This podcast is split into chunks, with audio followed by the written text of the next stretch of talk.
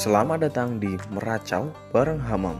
Ngomong apa aja, isu terkini, isu lawas, kadang sendiri, kadang ada teman. Sebab meracau adalah hak setiap orang.